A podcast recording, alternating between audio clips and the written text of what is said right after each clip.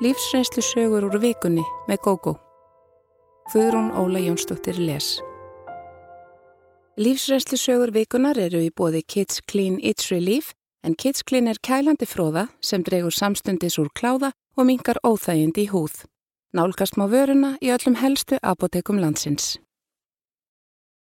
Ást og eigingirtni Sistir mín hefur allatíð átt erfitt með hann á fótfestu í samböndum við Karlmann og það var ekki fyrir en ég spurði einn af hennar fyrfirandi sem ég komst að ástæðinni. Hún er nokkrum árum yngri en ég og mér þykir endalust væntum hana eins og hinn sískinni mín. Hún hefur þó alltaf verið brótættari en við hinn. Alveg frá upphafi hefur hún átt erfitt með að láta sambönd sín ganga upp nema í stuttan tíma og ég var heilmikið farin að hugsa út í þetta. Hvað væri að? Af hverju þetta gengi svona illa hjá henni. Í fyrsta alveru sambandi hennar var hún mjög ástfangin. Hann var aðeins yngri en hún og þau voru svo sætt saman. Eitt daginn var allt búi hjá þeim og sýstir mín tók það mjög næri sér. Engin vissi ástæðuna þá. Næsta samband var sveipað. Þau ástfangin upp fyrir haus.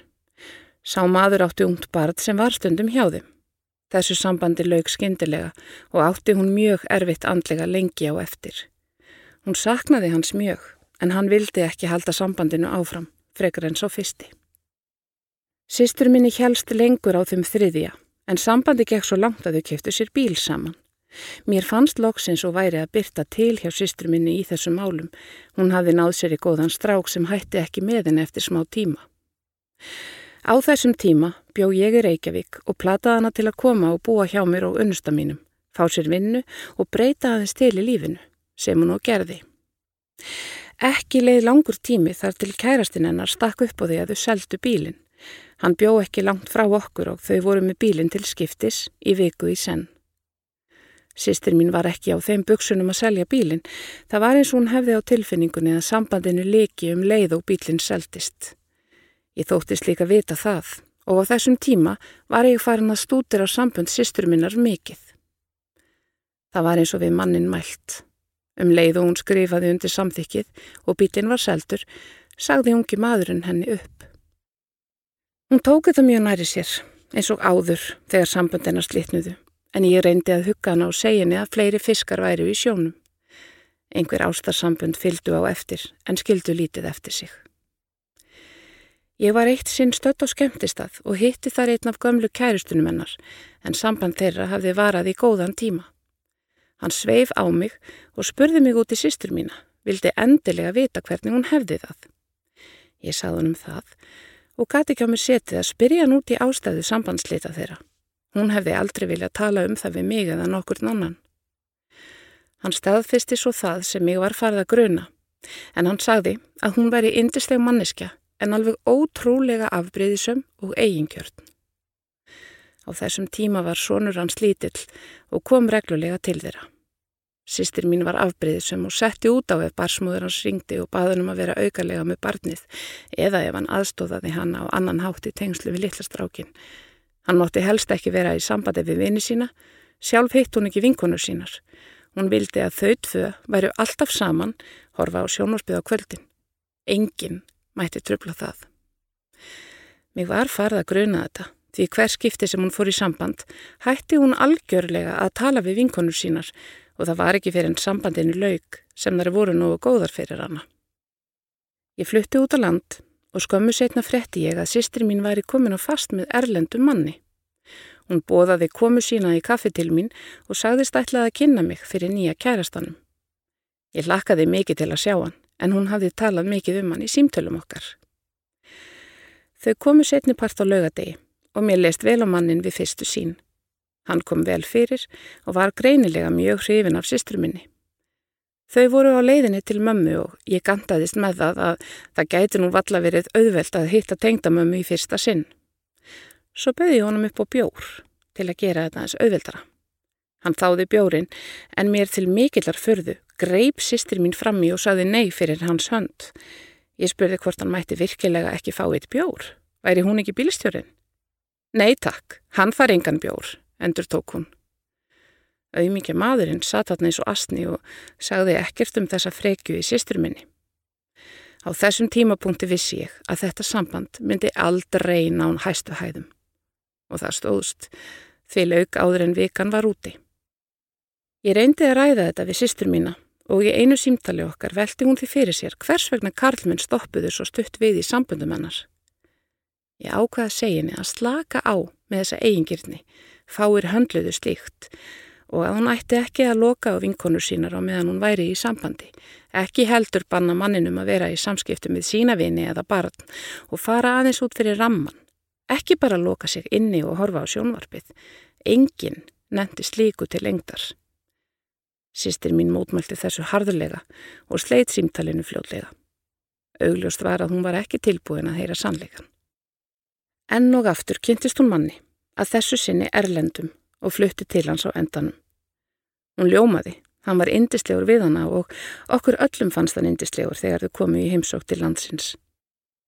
Ég skinniði samt að það var eitthvað sem var ekki lægi.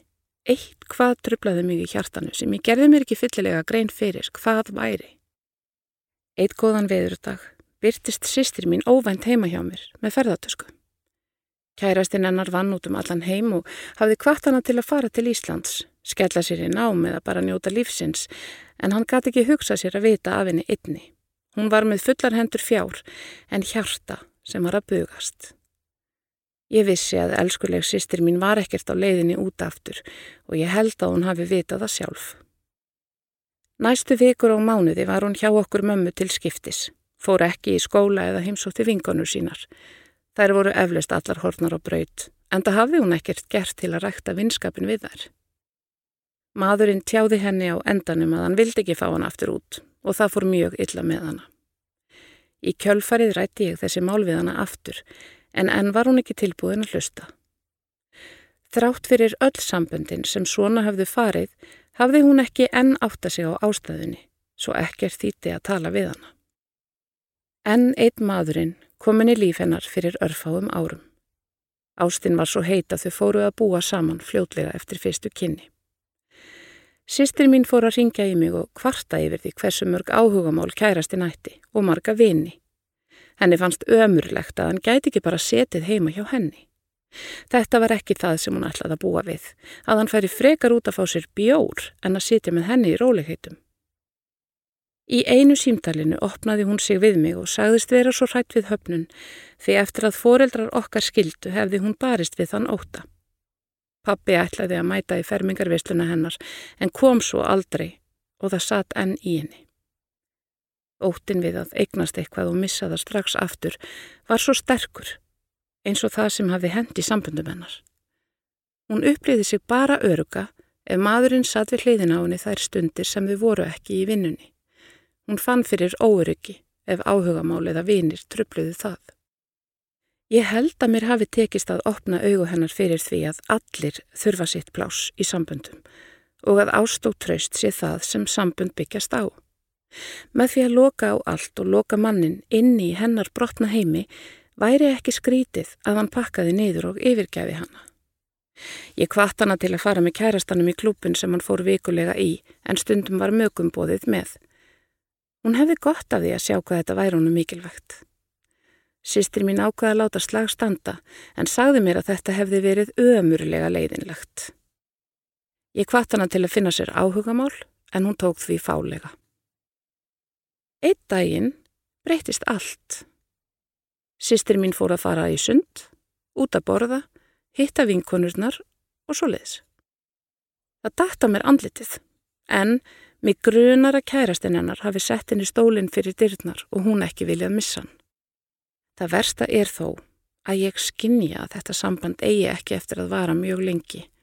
Hann er góður við hana, en hann stiður hann ekki vel og lætur hana um húsverkin þótti vinni jafn mikið. Vonandi er þetta samt rugglið mér því sýstir mín mun verða eigðurlögð manniska ef sambandinu líkur. Kanski finnur hann það og sínir henni minni virðingu fyrir vikið. Ég mun taka á móti sýstur minni með faðminn opinn ef þessu sambandi líkur eins og öllum hinnum. Ég elsk hana og vil henni allt það besta. Þriðji maðurinn Það varð mér mikið áfall þegar ég komst að framhjáhaldi mannsins míns. Við skildum í kjölfarið og næstu ár voru erfið. Þrátt fyrir allt held ég áfram að trúa á að ástinn kæmi inn í líf mitt og fyrir ári kom hann af fullum krafti. Við Jóhannes höfðum verið saman í 25 ár og gifti 20 þegar hann varð ástfangin af annari konu, samstarfskonu sinni. Ég hafði farið með honum á ársatið hjá vinnunni hans og þegar leið á kvöldið fór það sannarlega ekki á milli mála að hann var ástfangin af þessari konu. Ég trúði fyrst ekki eigin augum en gerði mér fljótlega upp slappleika og dreif mig heima undan Jóhannesi. Þegar hann kom heim, sent og um síðir, þrætti hann ekkert fyrir þetta og sagði mér að hann vildi skilnað. Hann væri ástfangin af annari. Samband okkar hafði verið styrt um hríð en ég held alltaf í vonina um að þetta væri bara tímabil sem stæði stutti yfir. Ekki grunaði mig að önnur kona væri komin í spilið fyrir en ég sá það með eigin augum á ársatíðinni. Saman áttum við Jóhannes þrjú börn og hann átti eitt fyrir sem dvaldi mikið hjá okkur. Hjónabandið hafði verið gott og ástrykk þannig að áfallið var gríðarlegt. Ég veit reynlega ekki hvað kom yfir hann. Mögulega lék grái fyrringurinn hann svona illa. Konan var réttrumlega þrítug eða tíu ár mingri en ég og gullfalleg. Þremur mánuðum setna vorum við Jóhanni skilin og hann fluttur inn til konunar. Börnin okkar tóku þessu öllu saman mjög illa, sérstaklega það yngsta, 15 ára dóttir. Sýnirnir voru báðir fluttur að heiman á þessum tíma en síndu mér mikinn stuðning. Þau voru öll svo reið út í föðu sinna, þau töluðu ekki við hann í marga mánuði, ekki síst vegna hörku hans varðandi skiptin á búinu. Ég þekkti Jóhannes ekki fyrir sama mann, en það var kannski ágætt að hann létt svona, því það gerði sorgina léttbærari á vissan hátt að sjá þessar nýju hliðar hans. Vissulega hafði hann lagt meira í búið en ég, eins og hann sagði, en ekki mat hann öll árin sem ég hafði verið heima hjá börnunum og hlúðað fjölskyldinni og heimilinu. Hann leit á það sem sjálfsagðan hlut. Líka það að ég vann fyrir okkur á meðan hann lauk háskólan á mig. Ég fekk helmingin af eigum okkar eins og mér bar, en við vorum það skulduga eftir að hafa fjárfest í rathúsi nokkrum árum áður að lítið var til skiptana þegar skuldur höfðu verið greitar. Jóhannes var með þessari konu í fimm ár, en er í dag giftur annari konu sem ég og börnunum líkar ágætlega við, en það tók mig alveg nokkur ára að taka hann í sátt. Ég gæti ekki keft mér góða íbúð í Reykjavík fyrir það sem ég fekk út úr skilnaðinum svo ég afrið að skipta alveg um umhverfi og flutti norður á land á gömlu æskuslóðirnar mínar þar sem ég átti bæði ættingja og vini.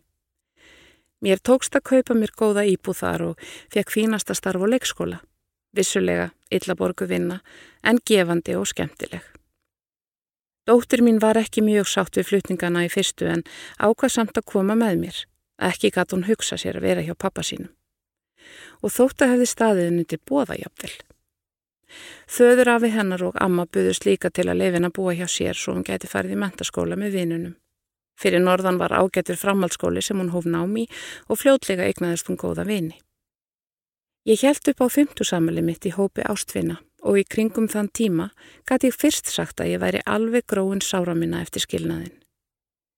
Ég kynnti skóðumanni nokkru mánuðum setna en samband okkar varði í tæft ár Hann varð 11 árum eldri en ég, en mjög unglegur og í góðu formi, enda mikill útifistar maður. Hann dróð mig með sér í fjallgöngur og sumarið okkar saman fórum við í margar útilegur. Þetta gekk samt ekki. Við vorum mjög ólík og aldursmunurinn gerði okkur engan greiða. Konan hans heitin hafði verið heimavinandi alla tíð og séðum all heimilistörf. Það voru tíu ár síðan hún lest úr krabbaminni og hann var mjög einmanna. Ég hafði heilmikla samúðunum sem eflaust lengti sambandið og vissi hvað honum leið oft illa en bæði börnina spjökuði Reykjavík. Honum fannst í fúlustu alvöru að eldúsið væri staður konunar. Ég áttaði mig á því að ef við færum að búa saman yrði ég ekkert annað en þjónustu stúlkan hans og það fannst mér óásættanlegt. Hann varð svektur þegar ég sleitt sambandinu en sem betur fyrr fann hann fljótlega ekki, mun nær honum í aldri sem hann fór að búa með og þeirri konu fannst líklega ekkert að við að stjana við hann. Ég sá aldrei eftir því öryggi sem ég kvattið þarna en hann var vel efnaður og líf okkar saman hefði orðið mjög þægilegt. Þrátt fyrir að ég væri ekki mjög reyndið þessum málum og átti aðeins tvö alvöru sambund að baki, hjónabandið með Jóhannesi og sambandi við Ekkilinn, vissi ég innra með mér að ég gæti aldrei tekið þægindi og áhyggjuleysi fram yfir ástina. Ég átti ekki eftir að sjá eftir því. Þrátt fyrir allt var ég vongóðum að alvöru ást ætti eftir að koma inn í lífið mitt eitt daginn. Eftir að dóttur mín fór í háskólan á mér Reykjavík hafði ég búið einn og liðið alveg ágætlega. Það sem varð þó kannski til þess að ég varð aldrei einmanna er að ég les mikið og er umkring góðum vinum. Snemma á síðasta ári byrtist svo rittarinn minn á hvita bílum sínum og lífið var dásamlegra með hverjum deginum. Ragnar var fráskilin eins og ég og hafði ekki verið í sambúð eftir það þótt hann hafi átt sínar vinkonur í gegnum árin. Það má alveg segja að þetta hafi verið ástöð fyrstu sín hjá okkur þar sem við hittumst á kaffihúsi fyrir sunnan.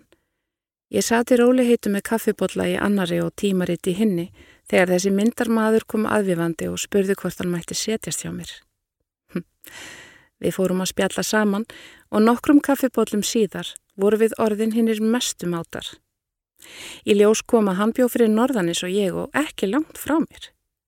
Hann bað um símanúmuru mitt og daginn eftir ringdan. Við töluðum saman í tvo klukkutíma og í lóksímtalsins bauðan mér út að borða á Akureyri um næstu helgi. Ég þáði það og síðan þá höfum við verið nánast óaðskiljanleg.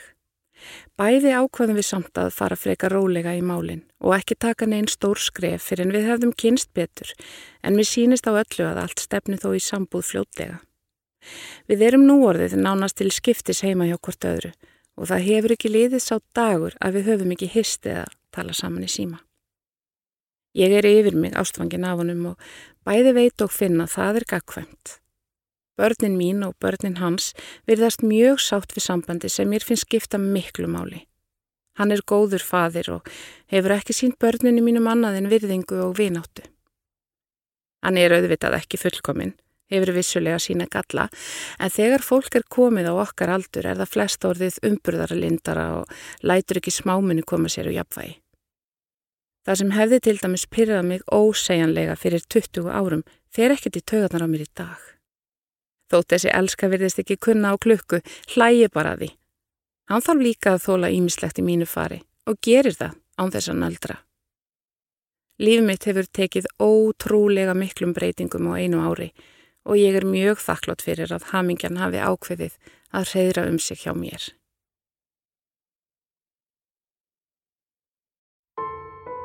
kunni ekki að elska. Æsku heimili mitt var mjög fallegt en minna var lagt upp úr því að okkur börnunum líði vel. Öll áhersla var lögð á fáað yfirborð en undir niðri ríkti pyrringur sem var vel falinn fyrir öðrum. Þegar ég stopnaði sjálf heimili reyndist ég líti skári en fóreldrar mínir. Pappi rak eigið fyrirstæki og við höfðum það mjög gott. Mamma vann heima lengst af og fór ekki að vinna úti fyrir en yngsta sískinnið var komið í skóla. Slíkt var mjög algengt á þessum tíma, en eftir á að higgja held ég að mömmu hafi fundist hún inni lokuð yfir okkur krökkunum. Það var sannlega ekki köllun hennar að vinna heima og hún var aldrei mikið fyrir börn. Mögulega var pappi líka pyrraður yfir því að þurfa að vinna myrkrana á milli til að tryggja okkur þetta lúksuslíf sem við lifðum. Mamma kom frá efnuðu heimili og pappa fannst ekkert vera of gott fyrir hana. Líklega hefur hann þrælað enn meira til að sanna sig fyrir tengdafóruldrunum og mömmu en pappi upplifði ekki sama munaðin í æsku og mamma. Fóruldrar mínir rifust nánast aldrei og þau voru mjög samhend. Líklega var það vegna þess að þau fengu útrás á okkur börnunum. Pappi stóð alltaf með mömmu þegar hún reyfst í okkur og flengdi okkur ef hún baðan um það. Kanski af því að ég var elsta barnið fann ég mest fyrir þessu. Ég man bara eftir hanalegum samskiptum.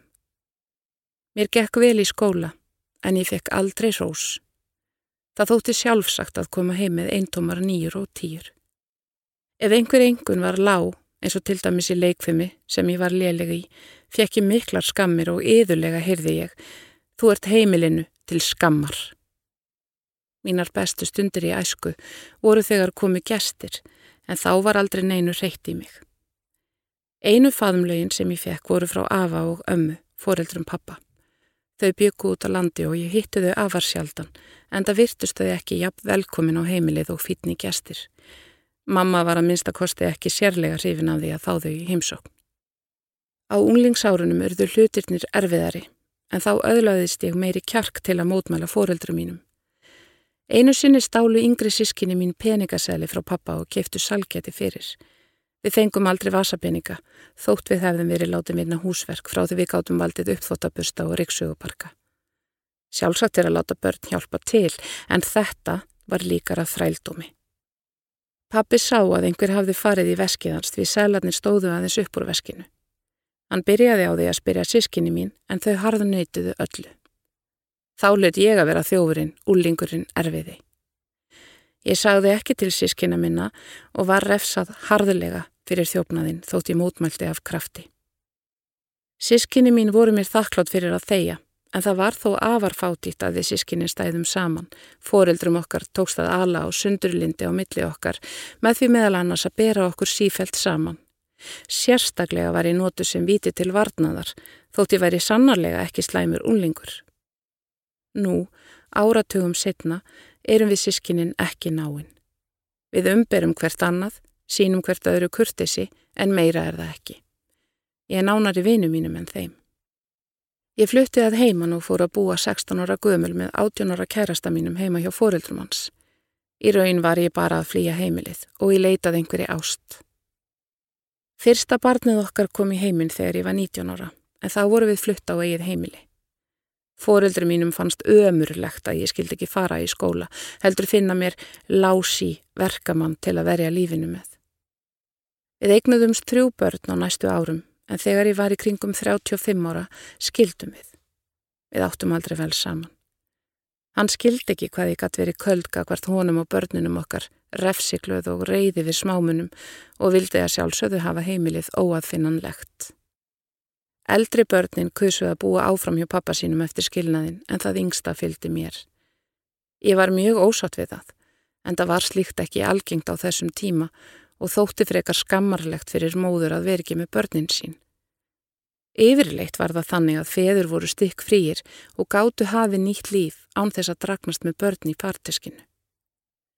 Það tók mig ekki langan tíma að uppgötva að þetta var best fyrir alla, líka mig, þótti saknaði daglegarar umgengni við eldri börnin. Ég var ómentuð og hafði ekki um margt að velja á vinnumarkaði. Minn fyrirverandi hjálpaði mér að koma undir mig fótunum og reyndist mér afar vel, en sambandi mill okkar hefur alltaf verið afar gott þótt hjónabandið hafi verið missefnað, en það kunni ég ekki að elska. Eftir á að higgja var skilnaðurinn það besta sem fyrir mig gætt komið. Ég var líka mun frjálsari með eitt barn en þrjú og gætt leift mér þann lúksus að menta mig sem ég gerði um það byl ári eftir að við skildum. Engrar hjálpar var að vænta frá fóreldru mínum en um leið og elsta barni mitt, fyrsta barnabar þeirra, kom í heiminn, tilkynntu þau mér að það væri mitt að hugsa um eigin börn, ekki þeirra. Ég fekk líka ofta að heyra að ég hefði valdið þeim miklum vonbreyðum. Þau hefðu bundið svo miklar vonir við mig. Ég hefði ekki átt að giftast fyrsta manninum sem ég hitti og farað hlaða niður ómægð. Ég vann mikið eftir að náminu lauk og tókst að kaupa mér íbúð. Börnin komu reglulega til mín og það yngsta fór aðra hvora helgi til pappasins. Stóru börnin gerðu mig að tvöfaldri ömmu með þryggja mánuða millibili en báðu mig samt lítið um að passa fyrir sig. Afinn fekk það hlutverk og konan hans. Svo kom að því að ungin minn flög úr hreðrinu. Samband mitt við eldri börnin hafði lagast mikið en samt virtust þau alltaf vera svo litið á verðikakvart mér. Ég hafði, án þess að átta mig á því, breyst í mömmu mína. Kanski ekki jafn refsiklaða en lítið skorti á pyrringin sem engjend hana. Ég hafði verið í nokkrum samböndum en ekki í neittni alvöru þegar ég kynnti skvömyndi. Þá var ég að nálgast fymtugt. Við kynntumst í matarbóði heima hjá vinkonu minni sem planaði að láta okkur hittast óvænt og vonaði að við ættum vel saman. Guðmundur var gjör ólíkur öllum þeim önnum sem ég hafði kynst. Hann var hreinskilinn, án þess að vera dónalegur og hikaði ekki við að spyrja mig nánar ef hann skildi ekki svör mín. Ég komst ekki upp minni en undanbröð við hann. Það var ekki alltaf auðvelt að umgangast hann og stundum greti ég undan honum í einrúmi án þess að vita alminnilega hvað olli sásökanum. Þarna var hann eflaust að komast inn fyrir klakabreinjuna sem ég hafði vernda mig með. Hann síndi mér mikla hlýju og gaf mér góðan tíma áður en hann tjáði mér ást sína. Þá var ég kolfallin fyrir honum en oflokuð til að þóra að segja nokkuð sjálfað fyrrabræði. Ég verð honum eiliflega þakklátt fyrir þólinnmæðina og skilvalla af hverju hann gafst ekki fljótlega upp á mér. Við fórum að búa saman hálfu ári eftir að við kynntumst. Hann er mikill dýravinur og á bæði kött og hund. Ég hafði alveg stuffið að dýr væri sóðar og hafði aldrei haft áhuga á því að eiga gælutýr en bæði dýrin brættu mig frá upphafi svo ég kveið ekki sambúðinni við þau. Ég breytist smám saman, var lífsgladari og hætti að kippa mér upp við smámunni eins og áður. Guðmundur neytaði að rýfast við mig. Hann brosti bara, eða jáfnvel faðmaði mig, svo mér ann reyðin og gatt farið að hlæja það sjálfur mér. Ísjakin ég bráðnaði jamt og þjætt sem var þess án efa valdandi að ég fór í heilmikla fortíðarvinnu. Ég byrjaði að skilja hvers vegna eldri börnin völdu að búa hjá föður sínum. Samt var hann ekkit fullkominn en hann var þó miklu betra fórildri en ég. Mér gekk reyndar ágætlega með þetta eina barð sem bjó hjá mér því ég var lausundan álæginu að búa í áslösu hjónabandi með þrjú börn. Sá dagur kom að ég rætti þetta við börnin mín. Það var mjög erfitt en ég baði fyrirgefningar á framkomu minni. Ég veit að börnin mín komu ekki jafn sköttuð út röppeldinu og ég gerði en það er alfarið pappa þeirra að þakka. Ég er allsæl með líf mitt núna og er ekki lengur reið fóröldru mínum. Líf þeirra gæti ekki verið gefandi og skemmtilegt og ég finn bara til samúðar þegar ég hugsa um þau. Þau tóku mig aldrei almennilega í sátt þótt ég heimsækti þau oft síðustu árin sem þau lifðu. Því miður hef ég ekki geta rætt þessi mál við sískinni mín. Þau verðast ekki kæra sig um eitthvert fortíðarvæl eins og sýstir mín orðaði það. Fleigur var ekki ná milli okkar í æsku og þau eru mér nánast ókunnug. Ég verða að sætta mig við yfirborskjand samskipti við þau eins og áður en ég hef þó allavega reynd að tala við þau. Ég var svarti söðurinn í fjölskyldunni og meðan þau fóruð að vilja foreldra okkar, gengum möntavegin og giftust réttum mögum. Þau lifa sínu lífi og ég mínu sem hefur aldrei verið betra. Barnabörnin mín koma reglulega til mín í ömmugistingu og ég veiti þeim alla þá ást sem ég á til, sem er mikil eftir að hafa sparað hana stóran hluta æfinar. Á síðustu stundu Ég bjó í útlöndu með fjölskyldu minni til 22 ára aldurs en þá ákvaðu fóreldrar mínir að flytja heim til Íslands. Við vorum í miklu sambandi við ættingja mína í móðurætt en ég vissi lítið um ætt pappa. Ég komst að við af eigin raun og á síðustu stundu hversu slemta getur verið að þekka ekki nána ættingja sína. Fóreldrar mínir hafðu búið lengi í Danmörku þegar við fluttum heim. Þau ílengdust ytra eftir nám og fengu bæði góða vinnu. Heimþráin var þó alltaf til staðar og jógst bara með árunum, svo það kom fáum og óvart að þau flyttu heim. Móðurætt mín er stór og samheldin og ég man ekki eftir tilverinu öðruvísi en með fjöldættingja í heimsókn hjá okkur. Þegar við komum til Íslands í frí vorum við í endalösum bóðum því allir vildu hitt okkur. Ég var orðið nokkuð stálpu þegar ég áttaði mig á því að allt þetta fræntfólk var aðeins skilt mér í móðurætt. Fyrir utan föðurömmu mína sem kom oft í heimsók til okkar á meðan og lifði, þekkti ég engan úr ætt föður míns. Pappi var enga barn móður sinnar og kynntist aldrei föður sínum. Hann vissi það eitt að svo maður vildi aldrei neitt með hann hafa, en það var pappi framhjóhaldsbarn, eitt af mörgum. Afi gegst við þeim en Þau þekktust ekki innbyrðis nema að takmörkuðu leiti, þótt sambandið er þið meira eftir að þau fullortnuðust. Pappi var búsettur Erlendi sem gerði erfiðara að stopna til kynna við hann. Sískinin voru nýju talsins, þar af fimm fætt utan hjónabands.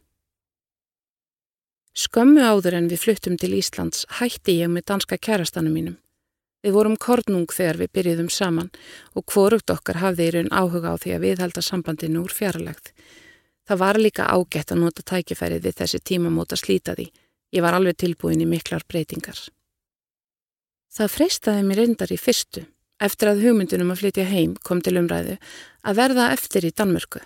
En svo greip ævindir að þráin mig og ég ákvaðað hefja nýtt og vonandi spennandi líf á Íslandi. Fyrsta árið var svo litið erfitt, mörgu þurfti að venjast og mér gekk ekki vel að fá almennilega vinnu. Svo small allt saman og mér fór að líða eins og ég væri komin heim. Frængur mínar á aldru við mig voru mér afar hjálplegar og kynntu mig fyrir íslenska skemmtanalífinu sem ég hafi lítið þekkt áður. Mér þótti það skrautlegt í meira lægi og mun skemmtilegra enn í Danmörku. Ég var tiltölulega nýflutt til Íslands þegar ég fóru með frængunum mínum á skemmtistæði miðborg Reykjavíkur. Við vorum svo hefnar að fá góð sæti við borð miðsvæðis á staðnum. Myndarlegur maður um þrítugt settist við borði hjá okkur og við fórum að spjalla saman.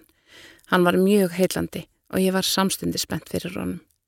Mér til mikillar ánægju virtist áhugin gagvæmur.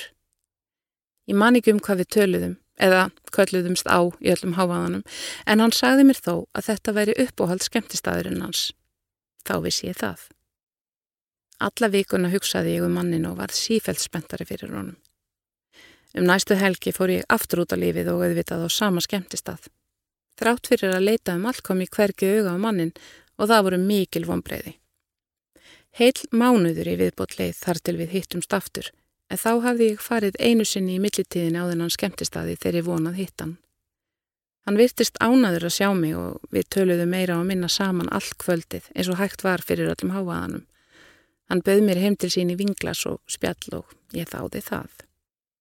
Við settumst niður í þægilegan sófa í stofunni heima hjá honum og hann heldur auðvinni í glös. Loks gáttum við talað almennilega saman í friði fyrir háaða og öðru fólki. Hann reyndist vera bráð skemmtilegur eins og ég þóttist vita og með svipuð áhugamál og ég. Samtalið barstað uppvexti mínum í Danmörku og ég sagði honum að ég hefði búið að nánast alla mína æfi og væri nýflutt heim. Ég væri elst tryggja sískina og svo sagði ég honum hvað foreldrar mínir hefðu starfað við. Hann virsti mig vel fyrir sér og var svo litið skrítin á svip þegar hann spurði mig hvað pappi hétti. Ég sagði honum það og sáði honum brá. Mér brá ekki síður þegar hann sagði mér þessi fallegi maður sem ég hafði verið skotin í vikum saman að hann var í föðurbróður minn eða yngsti hálfbróður pappa. Þeir voru reyndar ekkert sérlega líkir nema kannski til augnana. Ég reyndi að láta á engu bera en ég get ekki líst við hvað ég var fegin því að við settumst bara niður yfir glasi og spjalli í stað þess að rjúka beint í rúmið. Það lág svo sannarlega í loftinu að við hefðum enda þar. Hann sagði mér að hann væri í einhverju sambandi við hinn hálfsískinni sín, nema þau sem afi átti innan hjónabands. Hann vissi af pappa og hafði alltaf langa til að kynast honum en við byggum í útlöndum sem gerði það auðvitað erfiðara. Hann hafði gæft hugmyndum að við værum flutt heim. Smám saman hvarf allur vandraðagangur eftir áfallið og við náðum að tala eðlilega og óþvingað saman. Við myndumst á ekkist á hversu litlu munaði að eitthvað hefði gerst á millokkar. Það var ofskelvileg tiljóksun til að hægt værið að komin í orð. Við sátum langt fram á nótt og spjöldluðum. Hann langaði að vita allt um pappa og fjölskylduna og brást gladur við þegar ég saðist alltaf kynnað á tvo. Pappi hafði alveg sætt sér við að eigin sögna þekkja ekki sískinni sín en ég vissi að hann myndi ekki slá hendina mótið því að kynast bróðu sínum. Þegar ég kvatti í morgunsárið fekk ég föður bróðurlegan koss á kinn og við lofuðum hvort öðru að vera í sambandi við þyrsta tækifæri. Ekki hafði ég sagt nokkrum frá því að ég var í sifin á þessu manni og var mjög þakklátt fyrir það. Frænka mín, sem fór með mér á skemmtistæðin þetta kvöld, hafði hitt einhverja vini sína og hún tók vall eftir því þegar ég kvattan og sá ekki með hverjum ég fór. Það var því ekki erfitt eða vandraðalegt að tilkynna fjölskylduminni og vinum að ég hefði óvænt fundið ná frænda minn á djamminu. Ég stóð við orð mín og kynnti bræðurna. Föður bróður minn heimsækir okkur reglulega og í gegnum hann höfum við kynst hinum sískinunum, þannig að ég hef loks eignast föðurætt. Þetta er eitt besta fólk og ég held að pappi sé heiminn gladur með að það vægnast alla þessa ættingi á einu bretti. Við frændi minn höfum ekki enn rætt saman um þetta kvöld þegar svo litlu munaði að við svæfum saman. Mér langar ekkert að rifið þetta upp, enda mjög óþægilegt og allan hátt, þótt ekkert hafi gerst á milli okkar. Þessi fyrstu kynni hafa þó ekki haft neikvæð áhrif á samskipti okkar sem eru góð og óþvinguð og hafa verið að árum saman. Ég sagði engum frá þessu og mun þeia yfir því áfram og hef breytt sögunni nokkuð til að hún þekkist öruglega ekki.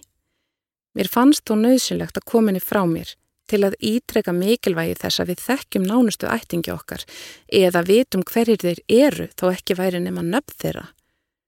Ég get eiginlega ekki hugsa þá hugsun til enda hvernig það hefði endað ef við hefðum farið að vera saman því sannleikurinn hefði án Eva komið fljótlega í ljós.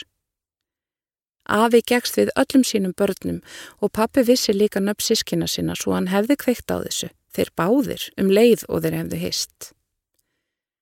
Ég fann annan fallegan mann ekki svo löngu setna og það var einmitt frændi minn og föðurbróður sem kynnti okkur en þeir voru saman í mentaskóla. Mér finnst líf mitt mun auðugra eftir að allir þessi nýju ættingar komið til sögunar og er mjög þakklátt fyrir að hafa kynst frænda mínum þótt að hafi verið á þennan hátt. En ekkir gerðist og fyrir það er ég enn þakklátari. Annað tækifæri Líf mitt tók miklum breytingum á einu ári skömmu fyrir síðustu aldamút. Dóttir mín flutti til föður síns, ég skipti um starf og varð yfir mig ástfangin í kjölfarið. Við tók magnað tímabil þar sem ég upplifði alvöru ást í fyrsta sinn. Fram að þessu hafði ég aldrei átt í alvarlegu sambandi við nokkurð Karlmann. Ég var skotin í þeim en þekkti ekki þessa ofsafengnu tilfinningu eins og líst er í bókum og bíómyndum. Mér tókst þó í einu sambandinu að eignast dóttur sem bjó á þessum tíma hjá pappa sínum. Hún hafði verið hjá mér frá fæðingu en þegar hún talaði um að hún vildi flytja út á land með pappa sínum ákvaðum við að leifinni það með því skilir þið að hún yrði þar, fengi ekki að flytja til mín þótt hún yrði ósátt við föður sinn. Ég saknaði hennar mjög og í eirðarleysinu sem greip mig eftir að hún fór ákvaði ég að skipta um starf. Í nokkur ár hafði ég unnið á skrifstofu hjá hennu opumbera en var farið að leiðast að. Ekki latið að mig að nýr yfirmaður, ansir hreint leiðinlegur, tók við deildinni þar sem ég vann. Á þessum tíma var nóg frambóða vinnu svo ég sagði upp án þess að vera búin að tryggja mér annan starf. Ég sótti um nokkur störf sem ég gæti hugsa mér að gegna og var bóðuð í tvö viðtöl. Fyrra viðtali gekk ágætlega en mér leist samt ekkert og vel á starfið en einkennileg tilfinning greið mig í því setna. Þá talaði ég við mann sem er að verslunni hér á höfuborgarsvæðinu. Þegar við tókumst í hendur fann ég nánast fyrir rafstuði og fór svo litið úr jafnvægi en reyndi að láta á engu bera. Þessi maður rak verslun á samt eiginkonu sinni og þau vantaði starfskraft til að sinna bókaldi og öðru tilfallandi. Ég hafði bæði mentunina í það og reynslu og ég sá að manninum leist vel á mig í þetta starf. Það var mánuður eftir af uppsagnatíma mínum og ég sá að manninum þótti slemt að ég gæti ekki byrja nú þegar. Ég saðist var mikinn áhuga á starfinu og ef hann vildi gæti ég komið eftir vinnu og aðstóða þau hjónin við bókaldið. Og þannig fór það. Ég mætti setnipartin í búðina og vann fram á kvöld yfirleitt með manninum. Konan hans vann í versluninni sjálfri og fór yfirleitt snemma heim svo ég kynntist henni ekkert fyrir en eftir uppsagnatíma minn á hinum staðnum. Ég kynntist aftur á móti manni hennar, Valda, vel á þessum tíma og kunni einstaklega vel við hann. Það liðu bara um tværi vikur þar til ég uppgötvaði að ég var bálskotin í Valda. Að sjálfsögur endi ég eftir bestu getu að leina því Fram að þessu hafði ég aldrei haft áhuga á giftu mönnum, hvað þá mönnum sem voru 15 árum eldri en ég, eins og valdi. Mér til mikillar förðu virtist sem honum, harð giftu manninum, litist líka vel á mig, en ströymanir á millokkar voru ótrúlega sterkir.